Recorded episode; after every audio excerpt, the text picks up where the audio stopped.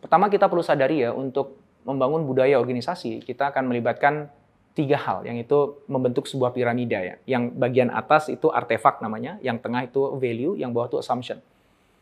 Artefak itu adalah sesuatu yang kelihatan, kasat mata. Jadi misalnya kantor Anda dibuat warna-warni gitu, ada beanbag, ada pingpong table gitu, atau ada event, uh, ada kompetisi inovasi, ada hackathon, nah itu itu artefak ya. Nah, ini adalah jalan yang kebanyakan organisasi itu pakai untuk membangun budaya inovasi. Sayangnya, output dari artefak itu berhenti hanya di awareness. Tapi itu tidak langsung bisa mengubah perilaku dari karyawan itu sendiri. Ada sensasinya sih, eh ramenya, serunya gitu. Tapi tetap aja perilakunya nggak berubah gitu. Itu jadi kayak rekreasi aja bagi dia. Tapi ya kesehariannya dia ya tetap gitu-gitu aja. Ya. Padahal kalau kita bicara budaya inovasi, itu kan tercermin dari perilaku karyawannya. Kalau kita ingin membangun budaya inovasi atau budaya inovatif, berarti karyawannya juga harus punya perilaku yang inovatif dong, ya nggak?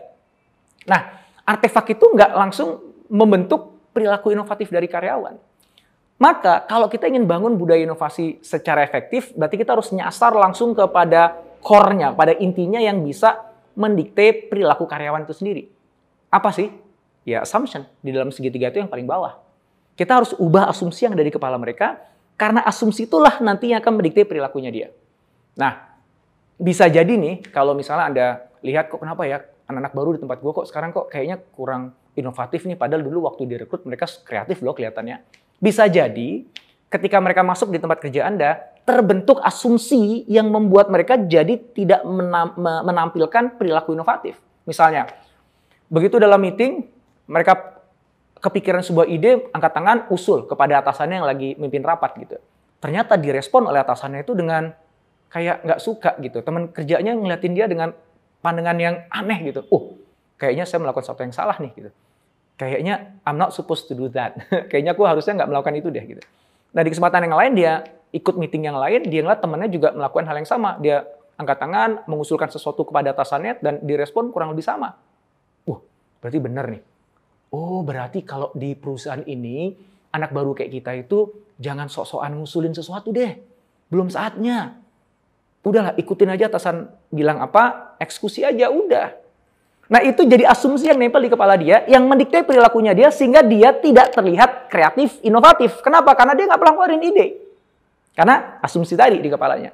Maka kalau kita ingin ngubah perilakunya dia dan teman-teman yang lain yang punya perilaku yang sama adalah kita harus ngubah asumsi yang ada di kepalanya. Pertanyaannya, cara ngubah asumsinya gimana? Kita pengen asumsi yang baru itu adalah asumsi bahwa, oh, kalau di sini justru kita itu diharapkan untuk keluar dengan banyak gagasan inovasi. Harus berani melakukan sesuatu yang baru. Nah, kita pengen asumsi baru itu masuk ke kepalanya mereka. Pertanyaannya gimana caranya? Caranya adalah hadirkan experience pengalaman yang menganulir asumsi lamanya, memperkuat asumsi baru yang kita ingin masukkan ke kepalanya dia. Ya, itu kan sama dengan asumsi pertama yang nempel di kepalanya dia itu kan karena pengalaman ketika awal-awal dia masuk kerja toh. Nah, maka kita berikan pengalaman lain yang itu menganulir asumsi lamanya memasukkan asumsi baru. Misalnya, kita buat kebijakan policy sebuah program gitu ya. Dalam tiga bulan ini kita akan minta setiap atasan at the end of meeting harus nanya kepada anak buahnya apa gagasan dan idenya dan wajib untuk mengapresiasi. Nah, akhirnya orang ini datang ke sebuah meeting di ujung atasannya, eh teman-teman semuanya, ada ide nggak untuk masalah ini yang kita sedang angkat nih? Aku pengen tahu pandangan Anda nih. Awalnya mungkin mereka diem gitu, karena kan ada asumsi bahwa anak baru nggak boleh ngomong gitu ya. Tapi kemudian diencourage sama atasannya. Bahkan ditunjuk, oh coba kamu deh, aku pengen tahu deh pendapat kamu kayak gimana. Akhirnya dia mulai memberanikan diri untuk ngomong. Habis itu diapresiasi sama atasannya. Oh, kok ternyata boleh ya dan diapresiasi ya. Besoknya dia meeting yang lain, ngeliat temannya juga melakukan hal yang sama. Akhirnya dia ngusul kepada atasannya gitu ya dan diapresiasi juga. Loh, ternyata di sini juga diapresiasi nih. Oh, jangan-jangan benar ya.